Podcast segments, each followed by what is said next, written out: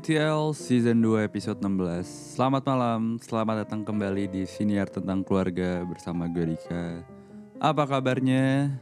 Well, semoga kalian tetap sehat Tetap jaga kondisi badan, minum vitamin, jauhi kerumunan dan selalu gunakan masker Plus cuci tangan Karena ya, eh, oh ya sebelum itu gue ingin mengucapkan minal aidin wal faizin, mohon maaf lahir batin. Selamat merayakan Idul Fitri buat para umat muslim di Indonesia. Mohon maaf kalau ada salah kata dan perbuatan yang mungkin menyinggung para pendengar. Serta selamat merayakan kenaikan Isa Al-Masih bagi para umat Kristiani dan Katolik di seluruh Indonesia. Nah, menyambung soal lebaran. Kan lebaran nih hari Kamis ya, minggu lalu. Eh tepatnya dua minggu lalu malah.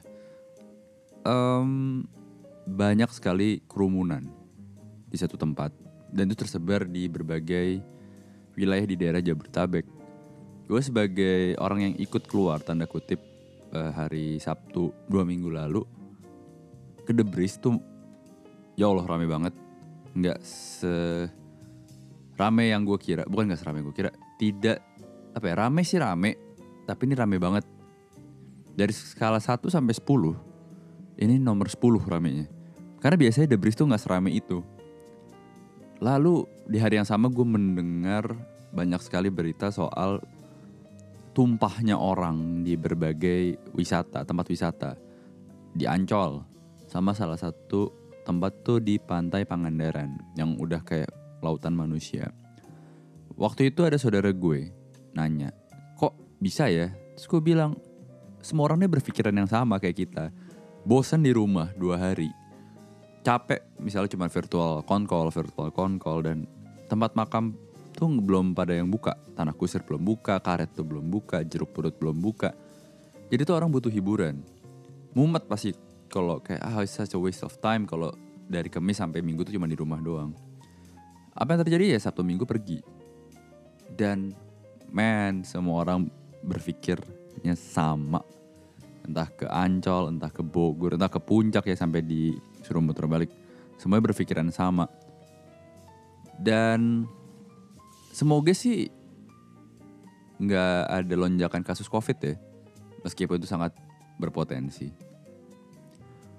Oke sekarang gue akan langsung menyapa salah satu tamu. Nggak salah satu lah memang tamu satu-satunya sih.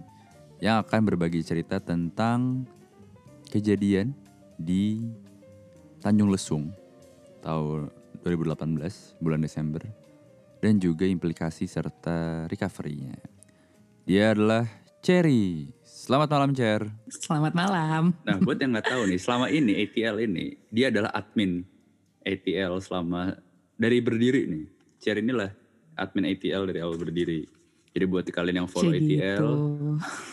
yang lihat siapa sih yang ngepost nih eh, apa story sama post di Instagram. Nah ini dia orangnya nih sudah ada bersama kita. Follow dong at ATL underscore ID. Nah tuh disuruh follow lagi. Coba lu sebagai admin ATL nih Cer. Kenapa orang harus follow? Kenapa orang harus follow? Coba, coba. Gue pengen denger dari. Karena aduh kok jadi kayak soft selling eh hard selling. Em, kalian semua harus follow ATL karena kita itu bikin konten tentang keluarga yang pastinya bagus banget. Dan kita nggak akan pernah berhenti bikin konten yang akan ngehibur kalian semua dan ngasih kalian pelajaran seputar keluarga. Betul sekali. Pokoknya kita mem- memberikan Boya nggak hanya pengetahuan kali ya Cer ya, tapi informasi cerita tentang keluarga tapi dikemas dengan fun. Ya nangis dikit ada lah ya, Betul, drama dikit ada lah buat naikin rating. tentu dong. Nah, Nah, sebelum tentu dong. sebelum lu cerita nih Cer, boleh kali lu memperkenalkan diri, Eh, nama, usia dan sekarang lagi sibuk ngapain? Oke, em, nama gue, nama panjang gue Maulia Ditria Yulistiana, tapi gue bisa dipanggil Cherry. Umur gue sekarang 23 tahun. Eh, sekarang gue lagi sibuk cari kerja aja sih. Gue, eh, gue baru lulus beberapa bulan lalu. Oke, lu oh lu ya, ya, Cer ini baru lulus nih kebetulan. Kemarin itu ya wisuda virtual ya. Betul. Udah lamar di mana aja Cer? jujur belum banyak sih karena gue juga masih ada job di ETL ini ya, mohon Oh, maaf. yang, Dan gue ya. masih ini sih, Apa? masih sibuk ngerapihin LinkedIn, masih sibuk Hmm. bikin porto dan segala macam. Jadi belum berani ambis banget karena gue pengen total juga ketika gue apply kerja nanti gitu. Nanti buat para pendengar yang mungkin lagi cari admin-admin sosmed atau di marketing-marketing, gue sangat highly recommend Cherry kok. Tenang. Uh, Uh. peres nih. loh, ini kan gue membantu. iya sih bener sih. Thank you loh kak. Iya, sama-sama loh. Ini un, un, unpaid promoting kok, tenang. Nah, nah hari ini Cherry ini eh, ingin bercerita, berbagi cerita ke para pendengar. Eh, waktu itu gue gue masih inget banget pertama kali gue ketemu Cherry tahun tahun lalu ya Cherry. Awal eh tahun lalu ya? Eh, Awal enggak. 2020 ya. Ta Sebelum Covid. Desember 2000 no no no no Desember 2019 Oh ya oke Desember 2019 ya bener. Nah Cher ini pernah bercerita tentang satu kejadian yang oh ternyata lu adalah salah satu korban gitu. Gue berpikir ya waktu itu. Dan betul jadi eh, mungkin buat kalian yang mendengarkan ingat dengan tragedi tragedi lagi, bencana tsunami di Tanjung Lesung ya Cer ya? pada akhir Desember 2018 yang kalau mungkin orang mungkin orang-orang taunya kejadian kejadian itu menewaskan ham- eh, hampir semua but only one di salah satu band gitu ya ya orang-orang oh, tahu. band Seventeen tuh dan Seventeen itu. Nah, Cherry ternyata adalah salah satu em, korban Yep. yang waktu itu lagi liburan ya, Cherry lagi liburan keluarga. Mm-mm, bener banget Hmm, Nah, Cherry akan berbagi cerita sama kita semua. Mungkin lu boleh memulai, aw- lu waktu itu ke sana dalam rangka apa, dari hari apa, sampai kok lu bisa eh, menjadi korban dalam bencana itu. Oke, em, kita mulai ya. Jadi waktu itu tuh gue eh, ceritanya abis uas waktu itu semester berapa ya gue lupa. Pokoknya gue waktu itu masih kuliah dan abis uas. Terus bokap gue tuh udah kayak ngajak dari jauh-jauh hari gitu. Ayo kita eh, liburan ke Tanjung Lesung, nyeneng-nyenengin Eyang. Jadi memang gue waktu itu gue ke sana niatannya buat nyeneng-nyenengin Eyang gue karena tanggal 23-nya itu dia ulang tahun, beliau ulang tahun Oke. kayak gitu. Jadi eh udah kan terus gue sebenarnya tuh gue kayak nggak begitu apa ya nggak begitu niat. Karena kayak apa ya lagi masa-masanya masih kuliah terus tiba-tiba diajak liburan pas weekend gitu kan kayak gue nya tuh nggak siap mental untuk liburan gitu loh. Karena kayak ya weekdaysnya gue masih banyak kerja eh, apa tugas-tugas kuliah dan segala macam gitu kan. Walaupun memang saat itu eh, bokap gue ngajaknya pas abis uas cuman kan emang kayak waktu itu gue belum apa ya belum kepikiran untuk yaudah deh ayo. Terus gue semangat gitu karena memang masih mikirin uas kan. Iya. kayak gitu. Terus em, terus tanpa disangka-sangka ternyata bokap gue itu juga eh, turut mengajak cowok gue. Oh, oke. dan dia tuh kayak eh, jadi memang cowok gue di keluarga gue memang udah kayak ya lumayan deket lah. Jadi memang maksudnya sampai bisa diajak liburan bareng keluarga gue juga kayak gitu. Nah tapi eh, saat itu bokap gue tuh nggak nggak bilang dari jauh-jauh hari gitu. Kayak dia tiba-tiba bilang eh, deket hari H kayak ini ayah udah pesenin eh, kamarnya udah sama buat cowok gue juga gitu. Jadi kayak mau nggak mau cowok gue ikut ya kan? Mau nggak mau kan udah gak enak tuh. Terus eh, terus waktu itu pacarnya kakak gue yang sekarang udah jadi suaminya juga itu juga diajak. Jadi rame kan tuh. Ada gue sekeluarga berlima eh, cowok gue eh, cowoknya kakak gue sama yang gue. Hmm. kayak gitu. Terus ya udahlah kita berangkat eh hari apa ya? Kalau nggak salah Jumat siang apa kalau apa Sabtu pagi gitu. Eh lupa deh gue. Pokoknya masih terang deh waktu itu gue berangkatnya.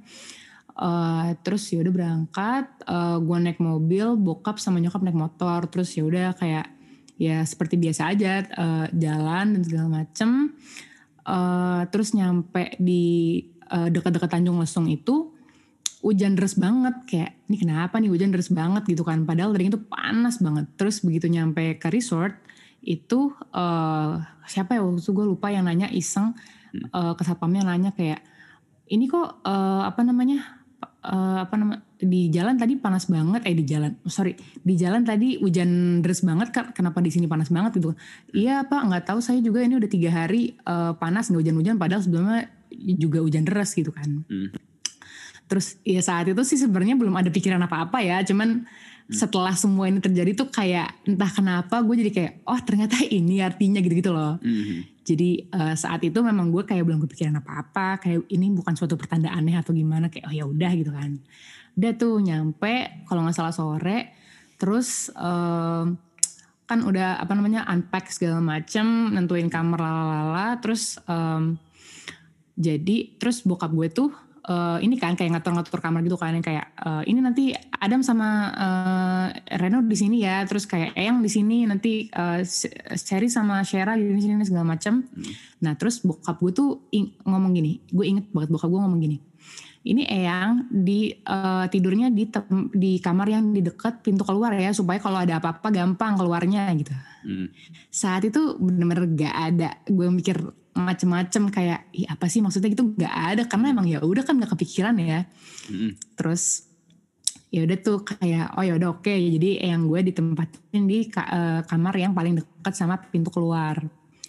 Terus abis itu nah eh, bokap gue tuh juga udah bilang ke gue sama eh, cowok gue juga kayak sana kalian cari kartu Gi biar ntar malam bisa main gitu kan.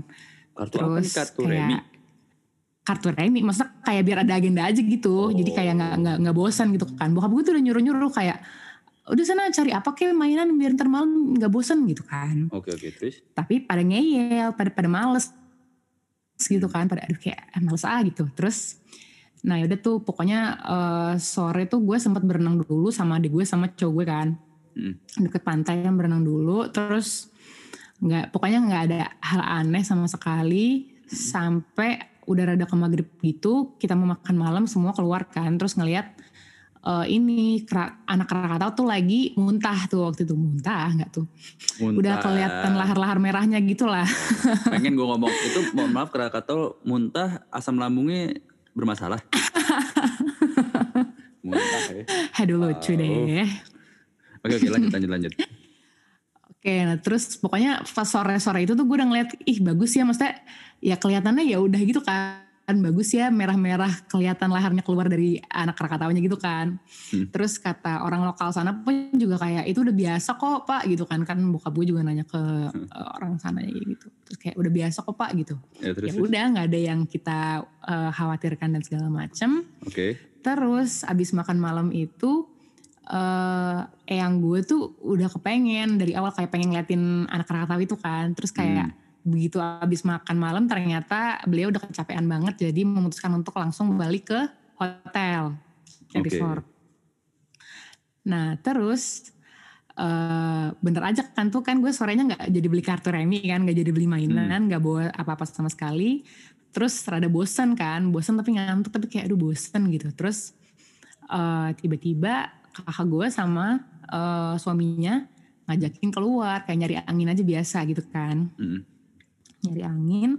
Terus eh, gue tuh gue ngajak Adam juga kan kayak gue ngajak cowok gue juga. Kayak eh ayo mau nggak? Gitu. Terus kayak cowok gue waktu itu bilang iya gitu kan.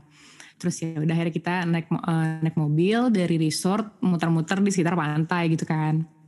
Hmm. terus kita parkir di lobby eh, lobby hotel terus habis itu kita turun keliling-keliling jalan-jalan biasa sampailah kita ke acaranya satu instansi instansi ini yang ternyata dia mengundang band Seventeen kan. Ya oke. Nah ya udah tuh jadi kayak awalnya tuh gue udah jalan-jalan sampai lu bayangin gue jalan-jalan di pinggir pantai literally di pinggir banget. Coba kalau gue lamaan lagi dikit, wah gila itu gue ancur kali badan gue. Mm. Nah udah kan terus eh gue ngeliat nih berempat, ih ada apa nih Seventeen gitu. Ya udah gue mantengin doang kayak ya Allah nggak lama, cuman ada kali 10 menit, 5 menit, 10 menit lah.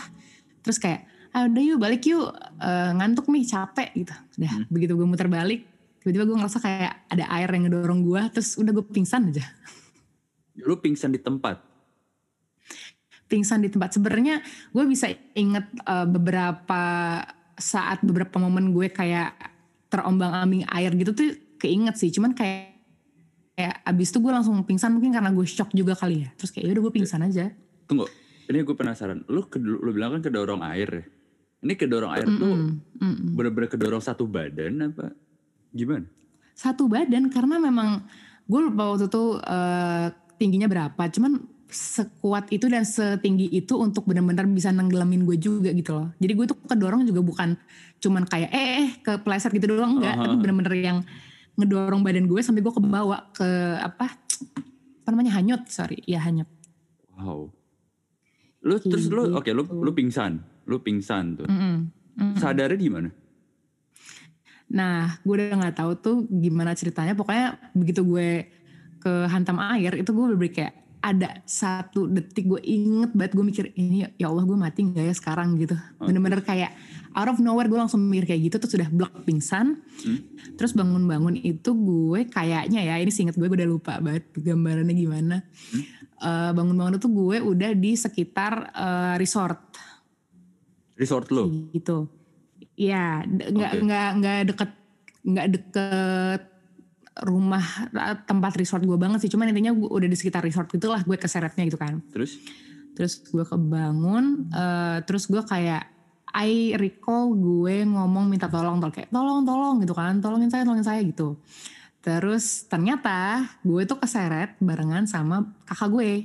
oh, Jadi kakak gue yang saat itu sudah bangun duluan atau sudah sadar dulu, sebenarnya dia nggak pingsan sih. Intinya saat kakak gue itu udah eh, kelar keseret, terus dia eh, lagi mencoba minta bantuan sama orang lain, dia dengar gue minta tolong kan, akhirnya kayak, Seri, Seri, kamu di mana ini kan? Akhirnya gue eh, apa namanya, cuman bisa bilang tolong-tolong doang. Terus akhirnya gue dibopong ke mobil kan. Itu gue bangun-bangun tuh bener-bener apa ya? Gue nggak bisa mikir karena eh, kepala gue bocor, kaki gue juga bocor. oh kepala lu bocor. Jadi mau mikir, mm-mm, jadi mau mikir juga susah, mau jalan juga susah. Jadi kayak ini gue di mana sih? Tadi ada apa sih? Gitu loh. Kayak bener-bener lama otak gue untuk memproses apa yang baru saja terjadi gitu kan. Hmm. Terus terus. Kayak gitu. Terus akhirnya eh, kakak gue denger gue kan. Terus habis itu ya udah tuh gue dibopong sama orang ke mobil dan itu kondisinya lo tau nggak gue Hmm? eh, kayaknya kalau nggak salah gue tuh cuma pakai celana dalam sama baju deh. Jadi celana. Jadi celana kan gue keluar resort itu tuh gue pakai cuma pakai celana tidur doang dan longgar kan. Jadi Oh, ya jelas dong ke bawah air pasti langsung lepas ya kan? Ah, terus terus. ya udah jadi bener-bener gue bangun bangun tuh eh, baju gue compang camping celana gue nggak ada gue cuma pakai celana dalam Uh. terus akhirnya eh, sama orang-orang yang lagi evakuasi eh, kakak gue bantuin gue minta tolong untuk cariin apa ya itu jaket apa anduk gitu Hmm, hmm. ya udah kan gue dibopong ke mobil tuh di mobil isinya udah rame orang gue inget banget kalau nggak salah tuh berapa um, satu dua tiga lima seven seater kalau nggak salah Hmm. terus gue di tengah sama eh, kakak gue sampingnya siapa ya sampingnya kalau nggak salah anak kecil deh Hmm? Terus depan bawa bapak belakang ibu-ibu kalau nggak salah. Terus ya udah kayak apa ya gue bener-bener kayak eh, gue nanya ke kakak gue kayak "Em, mbak yang lain mana ya? Gitu-gitu. Terus kayak "Mb- em, kakak gue cuma bisa kayak udah cari istighfar cari istighfar istighfar istighfar gitu dong kan. Terus kayak eh, apa namanya terus gue kayak kasihan sama anak kecil ini kan ke apa namanya gue nggak tahu dia ada, nyokapnya di mana bokapnya di mana. Iya, kayak dia bilang "Ma- mama papa mana ya gitu kayak gue ya Allah ini bener-bener momen trauma banget kayak astagfirullahaladzim kayak gue bener-bener nggak nyangka tiba-tiba gue ada di momen kayak gitu gitu kan Oke terus. dan, dan saat itu gue juga udah nggak bisa mikirin ini anggota keluarga gue yang lain tuh ke mana mereka selamat apa enggak yang di resort yang tadi bareng gue cowok gue sama cowoknya kakak gue itu pada ke mana kan nggak ada yang tahu dan hp gue kan juga udah nggak tahu di mana kan tuh Hmm. Terus. Terus ya udah akhirnya eh gue sama kakak gue ini dibawa sama eh, orang yang evakuasi. Kita cari ini cari puskesmas kan. Hmm. kita udah cari tiga puskesmas eh, tiga puskesmas itu penuh semua lah. Eh sorry dua. Nah baru di pas di puskesmas ketiga baru gue dapet tempat kan. Hmm. itu tuh itu pun ketika gue lagi di nyampe di puskesmas pertama kedua ketiga itu gue bener kayak nggak bisa mikir bener yang kayak eh kakak gue kan kakak gue kan punggungnya patah ya Oh. Iya kakak gue punggungnya, tuh patah Jadi dia begitu yang tadi lagi abis terdampar terus dievakuasi tuh dia bener-bener dibopong orang Nah itu aja tuh dia nggak bisa gerak kan. Jadi begitu nyampe di puskesmas puskesmas itu dia selalu bilang ke gue, Seri sana turun cari bantuan. Gue nggak bisa mikir kak, bener-bener kayak, hah gimana sih? Maksudnya, aduh gue nggak tahu kayak I'm not functioning well aja karena kepala gue bocor, kaki gue bocor, badan gue di mana-mana sakit. Jadi ya udah kayak gue bener-bener cuma bisa uh, turun, cuma bisa kayak uh, Pak Bu tolong saya, terus udah kayak gue dibopong entah gimana. Akhirnya di puskesmas ketiga itu kan dapat tempat tuh udah tuh akhirnya gue ditempatin di sana terus ditolongin sama uh, yang evakuasi kan jadi gue tuh bener-bener dijahit kepala gue dijahit kaki gue dijahit di tempat dan itu sebenarnya udah pakai anestesi ya cuman yang di kepala entah kenapa nggak berhasil jadi kayak gue bener, -bener kayak nggak tahu kenapa gue bisa nahan sakit seluar biasa itu lo bayangin gue ditusuk berkali-kali kan tuh di kepala mm. ah shit gila banget yaudah akhirnya oh, gue um, Mm -mm, terus eh bentar deh kak ini tuh ini ya delay gak sih? Enggak. Enggak ya? Oh, enggak, okay, enggak. Okay. enggak, enggak. Terus? Oke. Okay. Oke, okay, nah terus habis itu kan setelah gue uh, dijahit, kepala gue dijahit, terus uh, kaki gue juga dijahit dan segala macem. Pokoknya yang berdarah-darah tuh di handle dulu, dibersihin dulu. Terus akhirnya gue baru sempat kepikiran untuk uh, nelfon bokap kan. Sebenarnya sebelum gue nyampe puskesmas yang akhirnya gue tempati itu, gue udah sempet minta tolong sama eva, uh, yang evakuasi itu untuk uh, minta HP-nya buat SMS bokap kan gitu kayak hmm. uh, ya eh apa ya aku sama Mbak Syara di sini nih, gitu. Di puskesmas nih, hmm. terus akhirnya uh, begitu kelar gue ditindak itu dia telepon bokap kan. Terus kayak gue berberi kayak saat itu gue yang kayak ya Allah semoga ada yang ngangkat semoga ada yang ngangkat gitu. Karena gue berberi kayak hmm. lo bayangin gue gak tahu kalau misalnya pulang-pulang dari Tanjung Lesung gue cuma berdua sama kakak gue. Dari yang datang-datang ber berapa tuh? Ber bertujuh tiba-tiba uh. pulang cuma berdua kan anjir sedih banget kalau gue cuma pulang berdua gitu. Dan kayak mm -hmm. gimana caranya gue bisa melanjutkan hidup bareng kakak gue gitu kan? Mm -hmm. terus terus? Gue udah mikir macem-macem gue udah yang kayak ya Allah kayak apa ya? Maksudnya kenapa sih harus kejadian di gue? Kenapa sih? Kenapa? gitu kan kayak. Mm. dan lo bayangin gue gue juga bawa anak orang gitu loh. Kayak ya Allah mereka nasibnya gimana ya? Gue nggak tahu. Kalau misalnya mereka Nauzubillah zalik meninggal di sini gue ngomong sama nyokap nyokap cowok gue apa? gitu kan. Mm Iya iya. Terus ya akhirnya akhirnya gue uh, telepon bokap dan alhamdulillah diangkat sama dia kayak kamu di mana? Aku di puskesmas ini ini nih. Uh, gue lupa waktu itu di mana ya? Gue puskesmas mana gitu gue lupa. Terus uh, yaudah, yaudah ayah ke sana ayah jemput gitu. Udah kan hmm. tuh. Terus oh gue nanya kalau nggak salah uh, di telepon Adam gimana ya gitu. Adam baik-baik aja kok. Gue udah gue lega banget, bener-bener lega banget hmm. gue kayak tarik nafas panjang ya Allah gue nggak nggak bikin mati anak orang lah itu at least nggak nyusahin anak orang gitu hmm. terus ya udah akhirnya gue nunggu bokap gue terus dia bawa dia datengin gue bawa baju terus dia akhirnya juga mesenin ambulans buat kakak gue karena kakak gue udah nggak bisa jalan sama sekan punggungnya patah kan tuh jadi hmm. harus dibopong pakai ambulans sampai Jakarta terus ya udah bener-bener yang gue apa ya di puskesmas tuh kan banyak banget ya yang jadi korban. Jadi kayak ada yang uh, udah halusinasi yang kayak teriak-teriak mulu ada hmm. yang kesakitan ada yang merintih apa segala macam. Itu semua tuh gak bisa berhenti. Maksudnya gue ya cuma bisa mendengar dan gue cuma bisa diam kan ya. Jadi kayak yeah. semua trauma mereka tuh terserap juga di gue. Jadi kayak ya Allah bener-bener huh, gue nggak tahu kenapa semuanya harus terjadi di gue dan segala macem. Terus, terus akhirnya udah kan tuh gue nunggu sampai pagi uh, karena nah jadi tuh gini selama gue dan kakak gue itu dievakuasi dan dicoba di, dibawa ke puskesmas ternyata uh, cowok gue dan cowoknya kakak gue saat itu hmm? juga uh, keseret bersamaan gitu. Masa kayak bukan bersamaan apa sih? Deketan gitu loh keseretnya. Oh, terus? Jadi kayak uh, begitu apa namanya cowoknya kakak gue ini udah sadar nih maksudnya kayak udah udah terdampar terus kayak dia nyoba ke mobil dicari mobil terus ternyata cowok gue tuh juga nah lucunya ada lagi nih sorry ya gue ke uh, apa namanya kayak loncat-loncat gitu. Gak apa-apa ayo lanjutkan. Lucunya adalah gue dan cowok gue sama-sama pingsan kakak gue sama cowoknya tuh nggak pingsan jadi kayak nggak tahu kenapa. Hmm. terus uh, si cowok gue ini begitu dia abis bangun pingsan itu kan terus kayak dia bangun ngeliat situasi oke okay, ini orang-orang lagi jalan ke arah uh, dia dia cuman ngikutin orang-orang ini jalan dia nggak tahu jalan ke arah mana terus Mm-mm. terus ya udah akhirnya kayak ternyata dia sampai ke lobby dan dia nyari mobil uh, bokap gue kan karena waktu itu emang yang kita bawa mobil bokap gue Hmm. terus akhirnya pas banget pas banget itu uh, cowoknya kakak gue lagi nyalain mesin mau ke resort kan. Hmm. terus udah kayak Mas Reno ayo aku bareng gitu. Ya udah oke. Mereka berdua balik ke hotel terus habis itu ya shock dong bokap nyokap gue. Kayak cuman yang datang eh, tadinya yang keluar berempat yang datang cuma dua orang. Itu pun juga bukan anak-anaknya dua-duanya. Terus?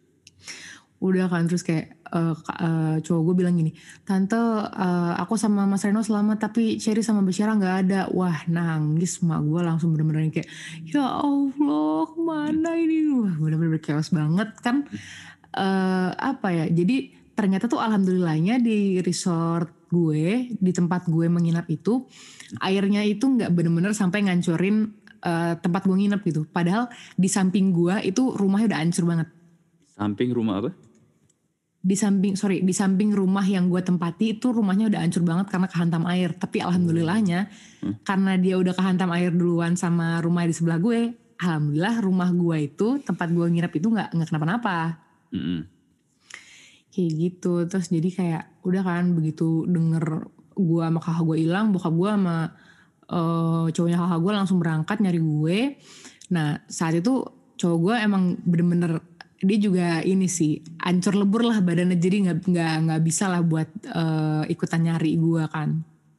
Mm. ya udah tuh jadi di resort gue apa cowok gue nyokap gue adik gue sama yang gue tuh bener-bener ya ya nangis nangis panik. Ini ini apa yang terjadi? Kenapa semua segala macam gitu kan?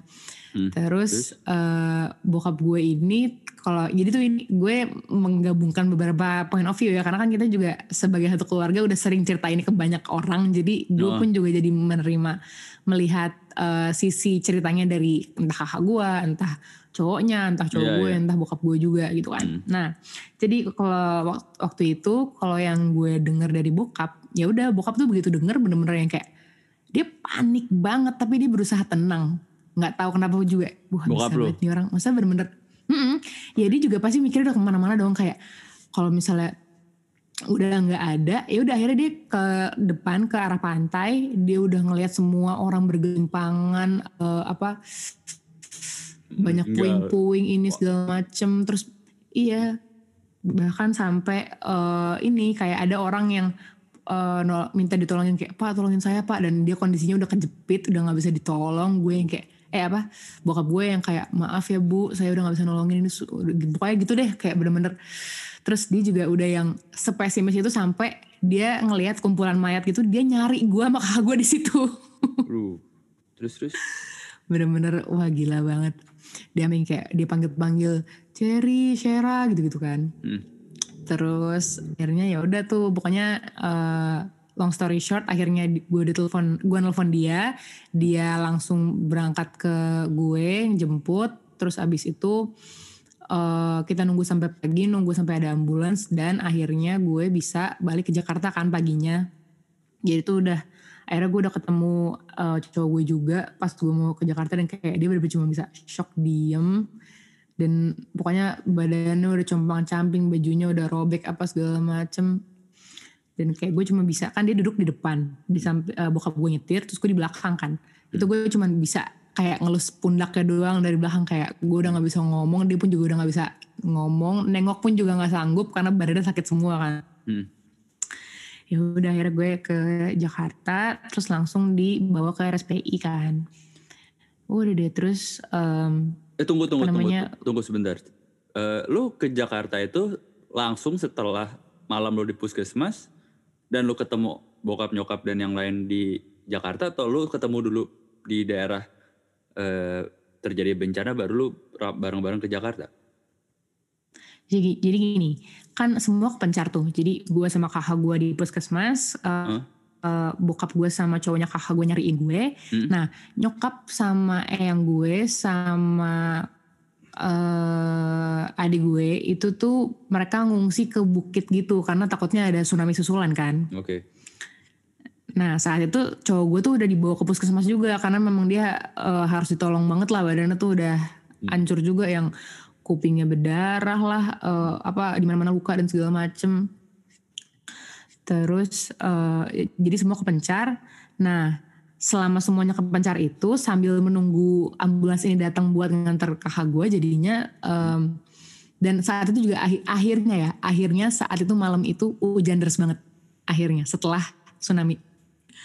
Jadi kayak setelah tiga hari panas kan tuh padahal di perjalanan kan hujan terus tapi tiga hari panas di Tanjung Lesung di resort itu tiba-tiba banget malam itu hujan deras banget kan ya udah akhirnya menambah kekeosan kan tuh hujan-hujan terus ya udah akhirnya semua eh, ketemu dulu kayak si cowok gue juga dijemput dulu dari puskesmas barulah eh, setelah ketemu semua di puskesmas gue baru kita semua berangkat konvoy ke Jakarta gitu Oh konvoy.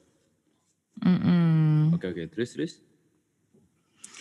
ya udah kan tuh terus nyampe ke eh, RSPI paginya terus ternyata tuh gue dapet ruang UGD yang kayak satu ruang sendiri tapi gede gitu. Jadi kayak gue sama cowok gue sama-sama di ruang yang sama dua kasur gitu kan. Hmm.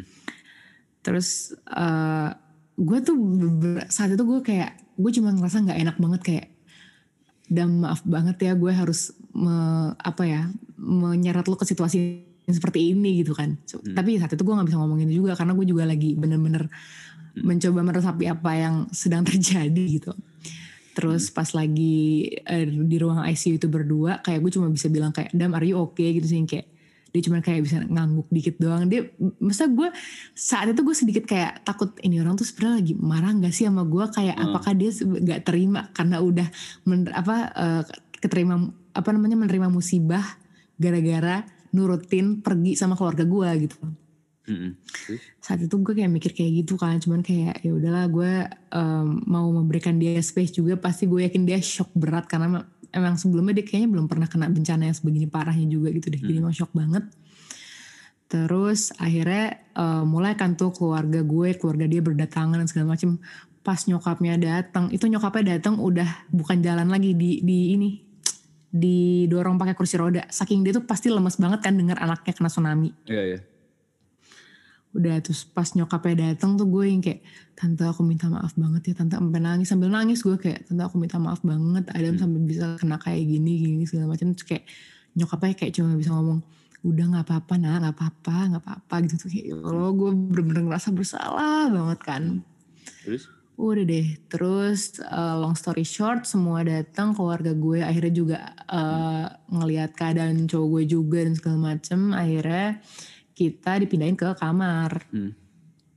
Oke. dipindahin ke kamar terus uh, udah gue mulai ditindakan uh, apa namanya kepala gue yang bocor itu dibenerin, kaki gue juga yang bocor itu juga dibenerin, terus dia juga dirawat kan tuh telinganya dan apanya lagi tuh gue lupa deh dia kenapa.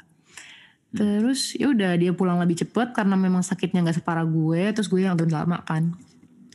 Terus udah tuh singkat cerita pokoknya akhirnya gue kelar em, di rumah sakit. Kalau nggak salah cuma berapa ya seminggu kalau nggak salah deh. Terus udah tuh pulang. Nah itu kan pas banget lagi liburan kan tuh. UI, eh, UI biasanya liburan sebulan kan. Ya. Terus? Gue manfaatkan lah sebulan itu untuk recovery. Hmm, Oke. Ya udah akhirnya pas gue recovery eh ini apa namanya nggak tahu kenapa tuh saat itu gue kayak nggak mikir kalau ya lo gue tuh lagi eh, merana lagi kesakitan lagi apa enggak gue malah bener-bener semangat buat sembuh gitu kayak Oke terus? gue pengen sembuh secepatnya supaya bisa beraktivitas dengan normal lagi gitu.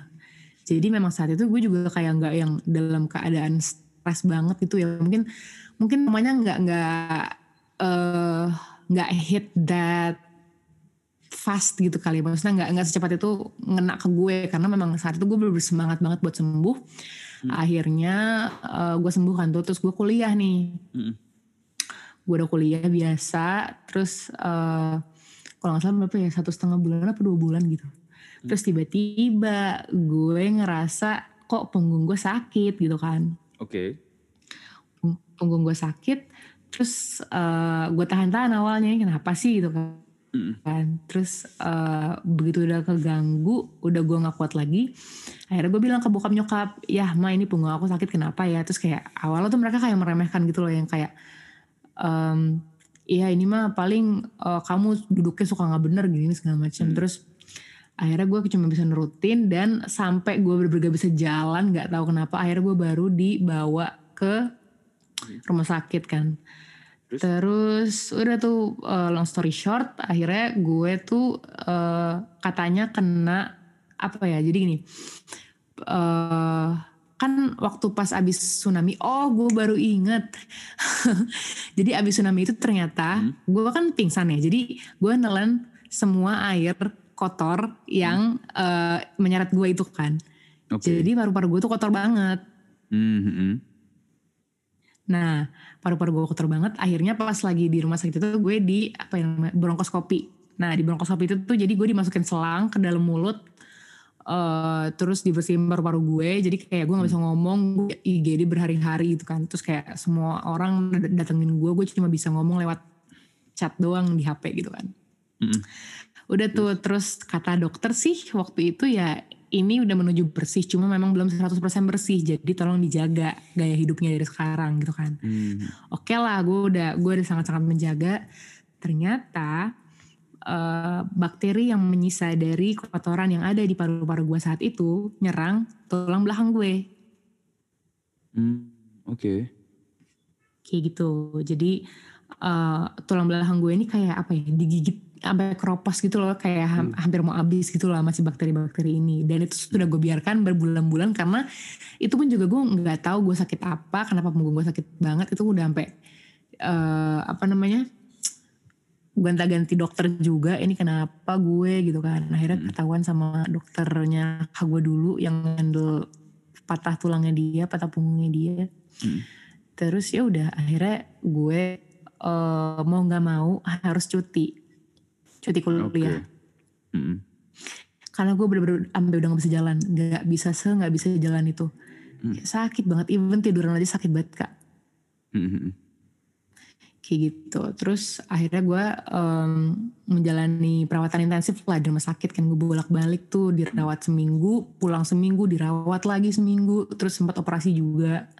Hmm. dan apa ya stres banget sih karena hmm, apa ya gue nggak menyangka bahwa sakit yang ternyata datangnya telat ini tuh bisa bikin gue ngerasa bersalah itu sama bokap gitu. Kayak gue karena kan sakitnya tuh bener-bener luar biasa banget kak. Kayak gue tiap kesakitan itu gue cuma bisa diem nahan sakit sambil nangis sampai mau merintih itu juga udah gak kuat karena bener-bener sakit banget. Lo bayangin gue harus dikasih tiga painkiller. Lewat mulut lewat infus sama lewat anus. Uh. Gila Painkiller. emang sesakit itu banget Oke, terus terus. parah emang parah banget Hmm. nah itu tuh momen-momen yang kayak apa ya berat juga buat gue gitu loh karena gue ngerasa gue nyusahin bokap gue gue ngerasa gue nyusahin bokap eh apa nyokap gue juga Hmm. karena kayak gue tuh udah berusaha semangat sembuh nih abis kelar tsunami gitu kayak sekarang ternyata gue harus bikin mereka frustasi lagi dengan dengan rasa sakit gue yang luar biasa ini gitu loh. Dan Hmm. gue juga gak nyangka bahwa gue tuh bisa se- saat itu gue begininya banget sama bokap. Karena biasanya kan gue memang sama bokap itu sering ini ya beda pendapat kalau di rumah. Terus kayak jadi kadang tuh gue suka kayak ya kalau bisa nggak usah berdebat nggak usah berdebat lah nurut aja gitu kan. Jadi kayak kadang gue ngerasa memang gue sama bokap tuh kurang sinkron gitu. Hmm. Jadi kayak gue ngerasa gue kurang deket juga sebenarnya sama bokap. Nah tapi saat itu gue bisa bener-bener ngerasa kayak dalam hati tuh gue kayak gue nggak ini nggak sampai gue ucap sih tapi kayak gue dalam hati ngerasa kayak ya aku minta maaf banget harus nyusahin sampai sebegininya karena bokap gue tuh stres banget sampai gimana ya dia tuh ya namanya juga bokap dan anaknya kan cewek semua ya jadi kayak dia tuh bener-bener dia tuh usaha buat bikin anaknya tuh sembuh dengan berbagai macam cara kak. Bener-bener kayak gue nggak bisa nyebutin semuanya di sini cuman semua cara pengobatan tuh udah dia coba di gue sampai gue pun juga ikutan stres karena saat itu gue cuma percaya sama dokter cuman kayak dia tuh bener-bener nyoba semuanya banget alternatif apalah. Hmm. dan gue juga ngerasa itu nggak nggak nggak mempan kan. Dan itu salah satu fase uh, di hubungan gue dan bokap yang gue juga ngerasa kayak ya gue tuh gimana ya gue ngerti lo pengen gue sembuh gue ngerti lo usaha banget tapi kayak yang nggak gini juga caranya gitu loh kayak Hmm. semua tuh frustasi banget saat itu karena kayak kenapa ini sakit lagi harus cuti dan segala macem terus kayak gue juga stres karena gue nggak bisa ketemu teman-teman gue lagi teman-teman gue sibuk kuliah gue malah sakit-sakitan kayak gini gitu kan Hmm. terus kayak ada satu momen pas lagi di rumah sakit itu kan gue eh, pokoknya di rumah sakit itu tiap kesakitan pasti gue langsung panggil suster dan gue dan gue minta painkiller gitu kan Hmm. nah gue inget banget waktu pas gue lagi kesakitan tapi bokap nyokap gue harus cabut jadi kalau nggak salah tuh waktu itu gue gantian dijagain cowok gue kalau nggak salah Hmm. Terus? terus bokap nyokap gue harus cabut tapi gue lagi kesakitan dan kayak gue cuma bisa diem ngeliatin mereka sambil nangis karena gue nahan gue nggak mau merintih lagi tapi kayak mereka berdua ngelus kepala gue terus gue yang kayak ya Allah gue bener-bener sedih banget kenapa ya maksudnya Hmm. kenapa harus terjadi di gue itu sih selalu yang gue pertanyakan dari Desember 2018 sampai the whole 2019 tuh gue selalu bertanya kenapa sih harus terjadi di gue kenapa sih harus seberat ini gitu loh kayak dan dan gak kelar-kelar gitu loh. Hmm. Jadi kayak saat itu sih gue ngerasa memang hmm, apa ya gue bisa merasakan gue bisa empati lah sama apa yang bokap gue rasakan terhadap gue gitu. Jadi kayak jujur cukup titik balik juga sih. Karena ya itu tadi biasanya gue sama bokap selalu clash. Terus eh, apa namanya nggak nggak agree on many things. Terus kayak sering apa ya sering berbeda pendapat. Jadinya gue juga sering ngehindarin dan segala macam. Tapi gue benar-benar ngerasain bahwa lo tuh peduli banget sama gue sebenarnya gitu loh. Walaupun dibalik sifat lo yang keras dan tegas itu tapi lo tuh peduli banget sama gue sebenarnya. Dan itu yang sebenarnya gue juga ngerasa kayak apa ya em, apa yang gue rasain saat itu kayak ah, sedih sedih tapi terenyuh tapi gimana ya? Sampai bingung juga nih gue gue eh, ungkapkan dengan kata-kata gitu. Tapi mungkin Terus, mungkin mungkin ini apa? Jas, em, eh, ini kan lo mencer- menceritakan tentang ternyata lo melihat sosok apa sosok bokap lu seperti itu ketika lu sakit kan. Eh, Mungkin lo bisa cerita juga kayak sebenarnya bokap ini let's say point of view-nya adalah sebelum bencana. Bokap lu tuh seperti apa di di mata lo dan kenapa sampai pada satu titik lu bisa beranggapan bahwa oh ternyata bokap gue tuh sesayang itu sama gue satu hal yang gue baru tahu mungkin setelah kejadian itu gitu. Jadi gini, nih bokap gue itu em, bukan orang yang mudah untuk mengungkapkan perasaannya gitu. Jadi Hmm. kayak gue tahu nih dia peduli sama anak-anaknya, gue tahu dia eh, care, tapi ya dia nggak pernah benar-benar mengatakan, dia nggak pernah benar-benar menunjukkan secara harfiah gitu. Dia, gue cuma bisa nangkep di em, apa ya tindakan-tindakan dia yang melindungi gitulah. Hmm. Kayak misalnya gini, misalnya ya si- sesimpel gue kalau pulang malam gue pasti selalu dimarahin selalu dan gue dan gue tahu dari semua episode podcast lo juga pasti anak-anak di semua semua anak-anak di dunia ini kan pasti kayak pasti tetap di apa ya dialang-alangin lah sama orang tua untuk pulang Iya. malam pulang larut gitu kan ya cuman gue tuh saat itu gue lagi sering pulang lar- larut juga karena gue lagi sibuk membangun koneksi dan menambah pengalaman waktu pas gue kuliah gitu loh Hmm. dan ya gue sering banget berantem sama bokap saat itu gara-gara gue pulang malam dan dia nggak pernah ngerti dan segala macem kayak dia ngerasa eh, menurut dia apa namanya nggak aman tapi ya maksudnya ya, ya lu paham lah gitu kan Iya. terus apa ya bokap juga orang yang apa ya keras tegas em, apa ya gue bisa bilang kaku mungkin mungkin kaku kali ya tapi nggak nggak kaku kaku banget juga sih. Cuman ya itu kayak karena dia itu pribadi yang keras dan tegas jadi eh, nggak bisa seluas nyokap gue ke anak-anaknya lah gitu. Walaupun ya memang mungkin secara gender cewek lebih lebih soft daripada cowok cuma kan eh kalau di bokap gue ya kelihatan lah maksudnya bokap yang bisa deket ke anak-anaknya sama bokap yang kurang bisa deket sama anak-anaknya kan kelihatan gitu kayak dia tuh Iya. gue ngerasa ada ada ada benteng lah antara gue sama bokap entah kenapa Hmm. karena memang kita suka beda pendapat kayak gitu gitu sih jadi Hmm. eh, selam sebelum bencana ini tuh ya gue ngerasa ya udah maksudnya bokap ya bokap gitu loh paham nggak kayak Iya, ya iya. udah gitu Mhm. Ya udah setelah bencana tuh gue bener-bener ngerasa kalau ini orang tuh tough banget. Dia gue sebenarnya tuh dia soft banget tapi dia tough di luar gitu. Jadi kayak dia bener-bener bisa menyembunyikan segala macam kepanikannya waktu pasti nyari gue. Dan apa ya bener-bener oh gini tuh ternyata bokap gue gitu loh. Karena seumur umur ya gue juga nggak pernah ngelihat sisi bokap gue yang semenunjukkan betapa dia sayang sama anak-anaknya ini gitu Even kakak lu merasakan nggak? nggak tahu sih kalau kakak gue karena gue juga jarang cerita sih sama kakak gue Oke. Nah, eh ya pada akhirnya lu menyadari bahwa oh ternyata bokap lu sayang itu ya pas lu sakit ya. Mm-mm, Em, bener. setelah lo sembuh, lu kan let's say lu butuh setahun untuk recovery. Mm-mm. Apakah Mm-mm. bokap lu ini apa sorry, apakah point of view tentang bokap lu yang lu bilang, oh ternyata dia sayang sama gue ini tetap bertahan sampai sekarang? sebenarnya iya. Tapi kan sebenarnya gini kayak saat itu kan saat bencana itu tuh ya semua dunia tuh jungkir balik. Kayak Ya, gue jadi melihat eh, kondisi hidup gue tuh in a different way daripada gue biasanya yang aman-aman aja tentram biasa di rumah baik-baik aja makan enak dan segala macem Eh, tapi setelah ini semua terjadi ya mungkin kita tetap balik lagi ke ke kayak dulu sebelumnya gitu. Kayak sering bokap gue yang kayak dia menurut A menurut gue B. Tapi ya gue nggak bisa meyakinkan ke dia bahwa sebenarnya B itu yang lebih benar kayak gitu-gitu.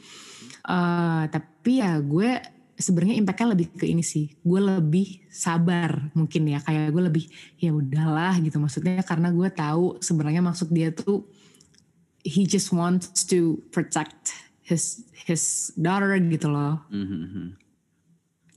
kayak gitu jadi mungkin efeknya lebih ke level pengertian gue terhadap bokap lebih tinggi dari sebelumnya sih kayak gue nggak se-stubborn itu ketika menghadapi bokap yang ya selalu berbeda pendapat dengan gue gitu ya kalau sekarang mah lebih kayak ya udahlah gitu Tapi lu masih sering ini, masih sering clash? Maksudnya clash itu ya, let's say sampai lu bener-bener Sering.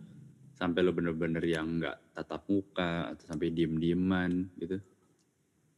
Mungkin kalau sampai diem-dieman enggak, karena gue juga udah malas untuk mencari masalah gitu ya. Waktu itu yang pas gue sering banget pulang malam itu udah cukup cukup di, eh, stressful lah buat kan kita sampai nggak ngomong kalau nggak salah waktu itu sebulan nggak ngomong apa. Terus ya udah kalau sekarang sih kalau misalnya emang gue mulai ngerasa kayak eh pendapat dia tidak sesuai dengan apa yang gue yakini atau apa yang gue percayai ya ya udahlah gue bener-bener cuman apa ya berusaha untuk nggak menimbulkan masalah baru aja karena ribet aja gitu loh males Hmm, hmm, hmm. kayak gitu Oke, ya berarti pada akhirnya lu bersikap lu yang lebih mengalah lah daripada bokap kan. Oke, gue mau balik lagi ke ini cer, ke ngomongin soal bencana yang kemarin. Eh, lu, lu itu udah dua am- udah dua tahun yang lalu ya, udah lebih dari iya dua tahun betul lalu. dua tahun yang lalu Bagaimana lu merefleksikan itu semua? Dan juga mungkin bagaimana lu melihat itu dengan dan mengkaitkan dengan hubungan lu dengan eh, bokap lu, nyokap lu, in general dengan kakak kakak lu. Hmm, menurut gue gini em, kalau buat gue Hmm. saat bencana saat itu tuh sebenarnya nggak eh, itu tuh life change life changing buat gue personally ya bukan buat Hmm. hubungan gue antar keluarga karena ternyata begitu kita maksudnya istilahnya keluarga ini istilahnya udah sembuh lah dari bencana itu gitu Oke. ya semua rutinitas dan kebiasaan dan pendapat dan apa segala macam tuh balik lagi kayak awal sebenarnya jadi Oke. gue nggak ngerasa kayak ini tuh life changing buat kita sekeluarga kita jadi lebih solid atau apa ya? Nggak juga karena Mhm. eh, banyak clashnya lah di keluarga Hmm. gue cuman gue jadi lebih apa ya menghargai mereka aja sih. Itu sih kalau buat gue ya. Gue lebih jadi lebih menghargai mereka. Gue jadi lebih ke oh ya udah lo maunya gini ya udah gitu. Karena gue juga udah nggak mau mencari eh, keributan lagi lah gitu. Kayak males ribut-ribut males berantem berantem Hmm. jadi ya udah gitu mungkin kalau impact bencana itu buat diri gue sendiri ya lebih ke apa ya gue reflect back sih kayak Hmm. ada momen di mana gue kayak mikir eh, ya Allah kenapa ya gue menerima bencana ini? Kayak kenapa ya harus gue? Emang gue salah apa ya? Ada gue ubek-ubek lah hidup gue selama ini gue tuh salah apa? Mhm. maksudnya eh, gue jadi kayak ya itu self self reflect kayak semua kesa- mungkin kesalahan-kesalahan yang sudah gue buat sebelumnya atau mungkin gue berbuat dosa apa ya udah akhirnya dan itu pun akhirnya bisa sampai bikin gue pakai jilbab sekarang. Oh that's why lu berhijab sekarang tuh karena lu betul. Main reasonnya karena tsunami sih jujur. tsunami. dan itu juga udah udah melewati banyak eh, jam terbang berpikir lah. Kayak gue bener-bener banyak mikir hmm, selalu berpikir kayak apa sih sebenarnya yang bisa lagu, bisa gue lakukan apa sih sebenarnya penyebab dari bencana kemarin Hmm. gitu-gitu sampai akhirnya kayak gue memutuskan bahwa mungkin dengan gue berhijab ini juga ini apa ya bisa jadi eh, I don't know maybe heal, healing buat gue Hmm. penyembuhan buat gue mungkin I don't know Oke, lu bilang healing. Tapi ketika lu inget-inget lagi, lu apa lu masih menyimpan satu trauma? Pasti masih, cuman gak, udah gak separah itu. Jadi tuh gini, waktu itu gue pernah di kontak temen gue, Hmm. eh, dia tuh anak psikologi psikologi Gundar Hmm. buat jadi narasumber dia untuk tugasnya dia gitu kan. Nah Oke. ternyata tugasnya dia ini tuh dia lagi ngeliti PTSD, Post Traumatic Oke. Stress Disorder. Mhm. Nah ternyata tuh kayaknya dia melihat bahwa gue itu memiliki gejala-gejala PTSD itulah gitu kan. Eh, Apa tuh contohnya? Kayak gimana? Apa yang lu rasakan nih PTSD itu? Jadi gue nggak tahu sih, maksudnya gue nggak pernah bener-bener googling PTSD itu apa aja dan segala Hmm. macam. Cuman yang gue rasakan abis gue kena tsunami itu ya di bulan pertama sebenarnya gue masih ya udah gitu. Hmm.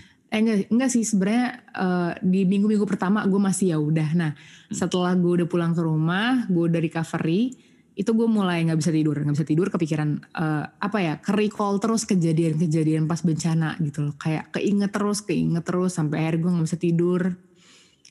Kadang nangis juga, nangis karena kayak gue tuh bener-bener penyesalan banget kenapa gue harus ngajak cowok gue, kenapa kenapa cowok gue tuh harus ikut gitu. Sebenarnya itu sih yang sangat menjadi beban pikiran gue banget selama gue recovery saat itu kan kayak penyesalan lah pokoknya semua kenapa gue harus mengiyakan ajakan kakak gue untuk keluar rumah, kenapa gue nggak beli kartu aja kayak bokap gue bilang gitu kan.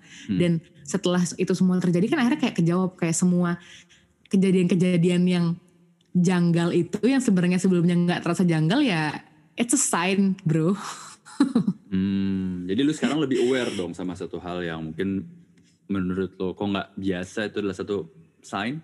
Iya, iya kurang lebih sih gue jadi lebih. Ya mungkin kasarnya gue lebih parnoan kali ya. Ya, efek parno. Kayak waktu karena- pas? Mm-mm. kenapa? Pas apa? Pas apa? Pas apa nih? Waktu waktu pas gue, gue lupa gue naik pesawat ke mana gitu waktu itu. Hah? Kalau nggak salah mudik deh. Terus eh, apa namanya?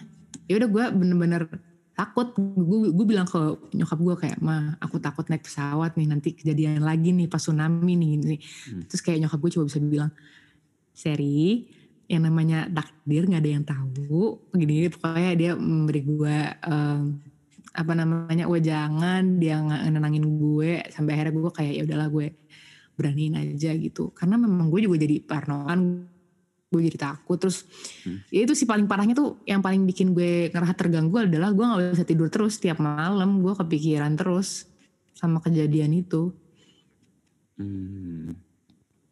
bener-bener kadang sampai nangis terus kayak nggak bisa tidur itu sih Lu itu, dari lu itu sendiri. berlangsung lama Oke. apa em, ini kan yang yang kita yang gue maksud recovery kan bukan bukan hanya recovery fisik ya, recovery Ya. mental. Mhm. Seberapa besar sih pengaruh bokap lu khususnya ini kan kita ini kan kita fokusnya ke bokap lu ya. Mhm, Seberapa, mhm. seberapa besar sih bokap lu dalam urusan recovery mental lu? Kalau recovery mental sih sebenarnya nggak begitu ya maksud gue. Gue bisa bilang bahwa recovery mental gue sangat disponsori oleh cowok gue karena bener-bener cuman dia yang kayak gue gue yang paling nyaman untuk mengeluh gue yang paling nyaman untuk ngasih tahu keadaan gue tiap hari. Karena kan saat itu, saat itu teman-teman gue juga nggak ada kan mereka sibuk sama urusan mereka sendiri. Gue juga Hmm. udah nggak ngerasa nggak relate dan left out untuk catch up sama mereka soal penyakit gue gitu. Jadi ya saat itu sebenarnya support system number one gue banget ya cowok gue sebenarnya. Dan bokap gue sih nggak maksudnya gimana ya? Nggak yang bener-bener play part yang gimana banget ya. Cuman ketika gue mengeluh gue sakit atau ketika gue mengeluh gue apa misalnya eh, secara nggak sengaja gue ngeluh misalnya tadinya gue mau nge- ngeluh ke nyokap terus ternyata lagi ada bokap di sekitar situ ya dia berusaha memberi feedback atau apa atau kayak misalnya kamu kenapa? Ini sakit apa lagi? dan segala macam. Soalnya memang saat itu abis gue sakit punggung dan gue dioperasi itu ada lagi sakitnya sebenarnya. Jadi bekasan gue dioperasi di punggung itu kan itu eh, jatuhnya gue dioperasi di sistem saraf tepi kan di punggung Iya. itu kan. Jadi entah kenapa saraf kaki gue tuh juga jadi ikutan ke otak atik gitu loh. Jadi kelar operasi tuh gue ngerasain kesemutan yang hebat banget sampai kayak kesetrum. Oh iya? Iya, jadi di situ gue bener-bener yang tiap itu gue inget banget pas lagi bulan puasa. Dan gue kerjaan gue cuma kayak ya Allah sakit sakit kesetrum ini nggak tahu gimana cara ngilanginnya. Bener-bener gue nangis lagi maksudnya bener-bener kejadian lagi gitu all over again. Gue nangis nangis gue kesakitan. Didengar bokap nyokap gue gue juga sebenarnya tuh gue nggak mau karena gue tuh bukan tipikal yang apa ya dengan gampangnya mengeluh di depan bokap nyokap gue gitu loh. Kayak gue tuh semua keluhan gue entah gue simpen sendiri atau ya gue lampiasin ke cowok gue gitu sekalinya gue mengeluh soal fisik gue dan gue udah I can't help it anymore ya gue sebenarnya ngerasa bersalah. Itu dia tadi. Cuman ya ketika gue, gue mengeluh akhirnya bokap gue pun juga ini apa ya dia mendapatkan pelajaran bahwa oke ini nggak nggak boleh dibiarin lama-lama lagi kayak waktu pas gue sakit punggung. Karena kan dia awalnya cuman ah udah itu mah paling apa gitu kan. Sekarang tiap gue kesakitan dia pasti kayak langsung ya udah mau ke rumah sakit mau ke rumah sakit gitu Dan, dan sekarang lu sudah sembuh total physically. Em, bisa dibilang mungkin 99% kali ya. Soalnya eh, kaki gue yang gue bilang kesemutan sampai kesetrum itu Hmm. nggak sembuh 100% juga sih. Kayak gue ngerasa itu, itu kan di kaki kiri. Jadi gue Hmm. ngerasa kaki kiri gue tuh fungsinya semaksimal berfungsi semaksimal kaki kanan gue gitu sih. Itu doang sih sebenarnya. Cuman ya kalau secara keseluruhan gue alhamdulillah udah sembuh Tapi emang nggak ada yang nggak nggak nggak ada jaminan lu bisa balik 100% nggak sih kalau udah begitu? nggak ada karena kan gue pas operasi punggung pun gue dipasangin besi kan titanium Masih ada titanium ya? Jadi masih ada. Nggak, Masih itu, ada, Itu, itu permanen eh, apa dicabut sih? apa? Apa bakal dicabut nanti? Sebenarnya kalau kata dokter sih bisa dicabut, cuman dia bilang mendingan disimpan aja di dalam tubuh. Soalnya kalau dicabut lagi nanti saraf gue ke otak atik lagi sakit lagi. Oh, Kayak kirain lu ada gitu. Itu aja itu operasinya tuh lama banget kak. berapa lama? Gimana gimana? Apa? Berapa berapa lama? Oh, operasinya waktu itu gue Iya. operasi berapa lama ya? 4 jam apa 5 Buset. jam gitu? 4 jam. Ah, lama banget. Iya lama banget, selama banget, lama banget, lama banget.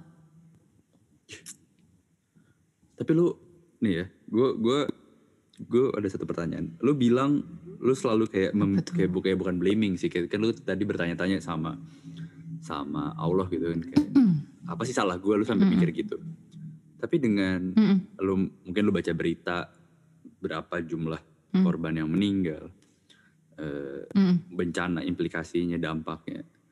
Apakah lu me- menganggap diri lu beruntung? Pastinya lah, gila banget itu gue. uh, I've heard so many stories orang-orang yang juga ada di tempat yang sama kayak gue, tapi mereka nggak selamat. Mhm.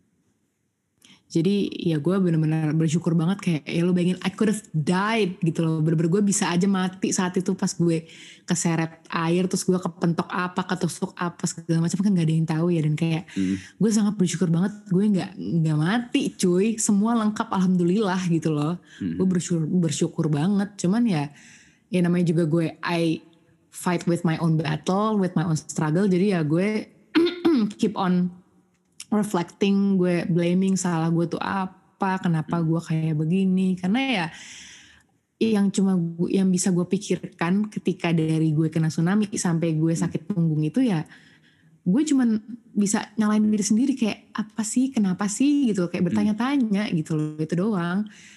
Sampai gue capek sendiri juga akhirnya kayak apa Dan ya? lo over Gua- over overthinking sih. Iyalah pasti. Dan gue emang basisnya gue emang orang yang overthinking sih. Jadi Iya. ditambah kejadian itu gue makin hancur lah. Orang gue turun 6 kilo kak. Sekarang naik lagi.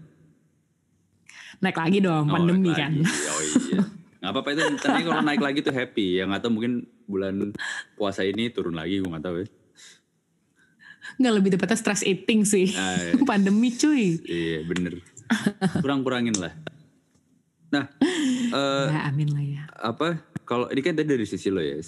Bagaimana dengan bokap lo? Mm-mm. Bokap lo sebagai kepala keluarga nyaris kehilangan anaknya perempuan lagi kan.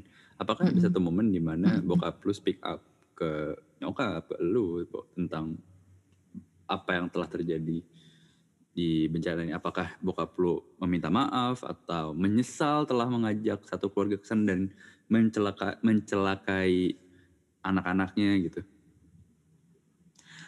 Oke jadi mungkin itu nggak terjadi waktu pas eh, selama dari 2018 ke 2019 itu sih. Karena memang Mm. ya memang bokap gue dan gue kan bukan tipe tipe yang bisa mencurahkan pikiran dengan mudah gitu ya. Jadi Iya. memang saat itu belum ada momennya. Nah, tapi Hmm. semenjak pandemi ini juga dia tuh jadi lebih apa ya? Gue bilang bis, gue bisa bilang protektif terhadap gue gitu karena Hmm. ya namanya juga dia takut kehilangan gue untuk kedua kalinya gitu loh ya kan. Hmm. Jadi waktu itu gue inget banget gue lagi izin mau uh, staycation waktu kan waktu itu. Kayak beberapa waktu lalu kok pas pandemi. Terus kayak bokap gue sorry bokap gue memberikan apa ya nasihat panjang lebar. Kayak dibilang itu ba- aman apa enggak? Mereka semua protokol atau enggak? dan segala macam. Terus kayak ada satu poin di mana bokap gue bilang ayah itu sebenarnya eh, apa namanya waktu itu pas lagi tsunami itu ayah nyesel buat ngebolehin kamu keluar hotel Hmm. waktu itu makanya ayah tuh sebenarnya eh, sedikit berat hati untuk ngebolehin kamu eh, dan nurutin apa pun yang kamu mau yang mau kamu lakuin gitu terus kayak dalam hati gue yang kayak ya sebenarnya nggak bisa disamain gitu kan saat itu Ya. memang itu udah takdir gue untuk kena tsunami ya kan Mm. cuman ya balik lagi di sisi lain gue memahami pemikiran dia gue jadi lebih paham gitu kan oh ya udah mak- maksud gue ya bokap being bokap aja gitu loh yang berusaha melindungi anaknya gitu kan jadi Mm. ya udah kayak gue cuman telan mentah-mentah aja dibilang kayak eh, apa namanya ayah tuh sebenarnya apa namanya eh, nyesel ngebolehin kamu kemarin gini gini gini segala macem udah sih gitu doang tapi kayak dia nggak bilang yang kayak ayah tuh takut kehilangan kamu gitu tuh enggak itu itu bukan bokap gue banget dan itu, itu tuh bukan keluarga gue banget emang kita tuh bukan yang Unyu bisa gitu. mudah Bukan yang unyu gitu. ya. iya betul bukan yang kayak gitulah Tapi dengan dengan bokap lo mengungkapkan eh, kekhawatirannya itu udah cukup Hmm. buat lo untuk menunjukkan ya sebenarnya bokap lo ini secara nggak langsung mungkin either saying I'm sorry gitu. Iya gak sih? Iya, iya sih. Nangkep sih di gue, cuman ya memang emang nggak pernah sedalam itu aja karena emang semua tuh di keluarga gue kayak yaut saya gitu loh. ya udah. Dan itu juga berlaku ke nyokap lo gak? Apanya tuh? Eh, kan bokap lo adalah orang yang seperti itu yang kayak sangat cuek gitu atau yang nggak pernah Mm-mm. to the point. Kalau nyokap lo? Dia 180 derajat berbeda banget sih. Nyokap gue tuh bener-bener semua tuh diomongin. Dia apa ya? Dia tuh bisa dibilang penyambung lidah di keluarga ini sih. Kayak dia Hmm. yang mempersatukan semuanya gitu. Karena kalau nggak ada dia kayaknya bener-bener gak tau deh di keluarga gue bentukannya gimana. Dan dan gimana dan gimana nyokap lu setelah kejadian di Tanjung Lesung itu? Apakah itu mengubah beliau? Enggak sih, maksudnya nggak mengubah in in a way gitu. Kayak paling cuman apa ya? Ya selama abis gue kena tsunami sampai gue recovery terus gue sakit lagi dan gue recovery lagi dan sakit lagi ya pasti kan keluhan lebih banyak sampai ke dia ya. Karena gue juga sebenarnya tuh gue nggak ya balik lagi gue nggak enak buat ngeluh sama orang tua. Cuman kalau udah gue nggak kuat ya udahlah gue keluhin aja.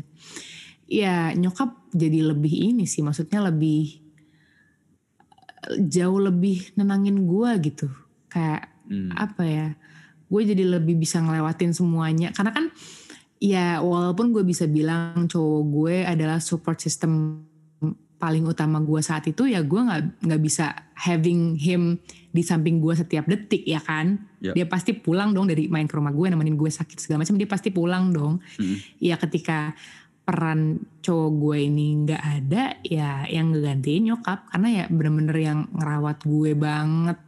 Itu tuh nyokap. Karena kan bokap kerja ya. Hmm.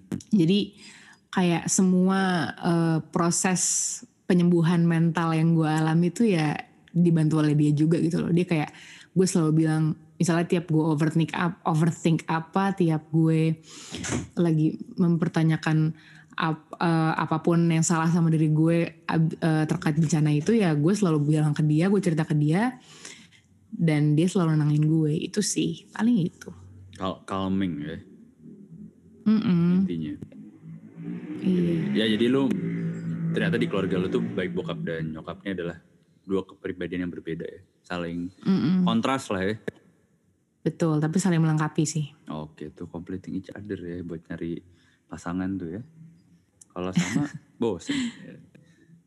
Betul, kalau sama clash. Nah tuh dia tuh. Ya kan ya sebenarnya nggak gue nggak tahu sama apa beda. Sebenarnya balik lagi ke pasangannya masing-masing yang menghadapi Benar. sikap tak sama apa beda gimana nanti. Em, Betul. Ini pertanyaan penutup dari gue. Selalu melewati Oke. semua rangkaian kejadian dari lo datang ke Tanjung Lesung kena ombak, pingsan, bocor, Mm-mm, terus lo recovery. Em, lu apakah ada mungkin semacam saran buat orang-orang di luar sana yang juga pernah berada di posisi lo, either seberuntung lo atau tidak seberuntung lo yang mungkin kehilangan anggota keluarganya atau temannya dan mungkin masih merasakan PTSD yang cukup besar. Em, kalau dari gue sih sebenarnya apa ya stop mempertanyakan apa yang salah dari diri lo sih. Karena eh, ketika lo menerima itu kan kayak lo akan anggap itu sebagai sebuah kayak apakah ini sebuah pelajaran karena gue salah gitu kan ya. Tapi instead of lo mempertanyakan salah lo apa ya lo fokus ke menyembuhkan diri lo aja sih. Dan emang itu bukan suatu proses yang mudah dan cepat gitu loh. Jadi um, just take every uh, time that you got buat sembuh gitu loh kayak um, dan oh iya sih ini satu. Jangan ngemendem semuanya sendirian karena jujur itu gue kalau misalnya gue pendem sendirian kalau nggak ada cowok gue gue udah gue berberga gue gue nggak tahu gue jadi orang yang kayak apa. Karena kan ya saat itu kondisinya gue takut untuk cerita ke teman-teman gue karena kayak ya ngapain sih Cherry balik lagi cerita soal Hmm. eh, hal yang dark dark lagi. Itu tuh kayak gue sebenarnya agak takut gitu loh dan kayak ya mereka juga udah punya kesibukan sendiri mereka sibuk jadi gue nggak bisa ganggu dan segala macem kan. Jadi menurut gue sih ketika lo bisa eh, cerita ke orang lain lo harus cerita sih. Kalau enggak lo bakal susah sendiri gitu. Dan pesan gue juga buat orang-orang lain maksudnya yang temennya pernah kena bencana macam kayak gini juga dan melewati proses recovery yang lama dan eh se-stressful itu jangan ini sih jangan tiba-tiba maksudnya bukan jangan tiba-tiba hilang jangan lupa buat tanya keadaan mereka gimana kabarnya mereka gimana karena they secretly need you gitu loh bener-bener kayak sebenarnya tuh mereka butuh butuh lo Jadi pokoknya tetap ada lah ya buat orang itu. Iya, iya karena yang dia lewatin sama orang itu tuh bener-bener gak, nggak mudah. Hmm, Iya sih, gue juga juga ketika mendengar cerita lo, ya anjir gue nggak pernah dalam posisi lo gitu. Jadi kadang gue juga bingung, ini waktu menang, pertama kali mendengar cerita lo kayak gimana gue nanggepinnya ya, karena gue nggak pernah terjang ombak tuh gue nggak pernah gitu kayak, wah gue nggak bisa yang I feel you gue nggak bisa ngomong gitu kan kayak, gue nggak Iya, terjang ombak iya. ya benar sih, comforting and, Iya, and what's best calming. sebenarnya dengerin aja juga ya udah nggak apa-apa gitu. Mm-mm. Iya sih, just just being a good listener gitu. Orang orang Mm-mm. orang itu gue rasa pengen ada teman yang menjadi good listener, tapi belum tentu minta saran kan sebenarnya. Betul, betul, betul. Mm, Jadi dengerin aja gitu. Mm-mm. Even though you you can't relate to them, kayak lo nggak nggak tahu gimana cara ngeresponnya atau gimana ya, lo at least show them that you hear them aja itu udah cukup sih. Oke. Oke oke. Jadi intinya Gitu. ya semoga ya jangan dipendem intinya gitu ya. Dan kalau ada apa-apa Mm-mm. omongin dia baik itu sama orang tua lo atau sama temen lo, siapa pun itu yang merasa lo Betul. nyaman. Betul. Baik kalau gitu, thank you admin ITL Thank you juga. sudah mau berbagi cerita kepada khalayak pendengar podcast. Semoga menjadi inspirasi dan semoga ini juga jadi ini juga sih apa istilahnya warning juga sih buat gue karena kita nggak tahu bencana bakal datang kapan. Betul. aja nggak bisa. harus be aware. Iya kita harus semua harus be aware itu bencana. Entah gue nggak tahu bencana itu bentuknya macam-macam. Belum tentu orang menganggap itu bencana, tapi mungkin buat kita bencana. Just be Betul. ini aja, be aware dan be ready. Dan oke Mm-mm. Sekali lagi terima kasih buat Cherry dan juga terima Thank you kasih juga Kak Dik. Dan terima kasih juga buat para pendengar yang sudah meluangkan waktunya untuk mendengarkan episode kali ini. Selamat beristirahat dan selamat malam.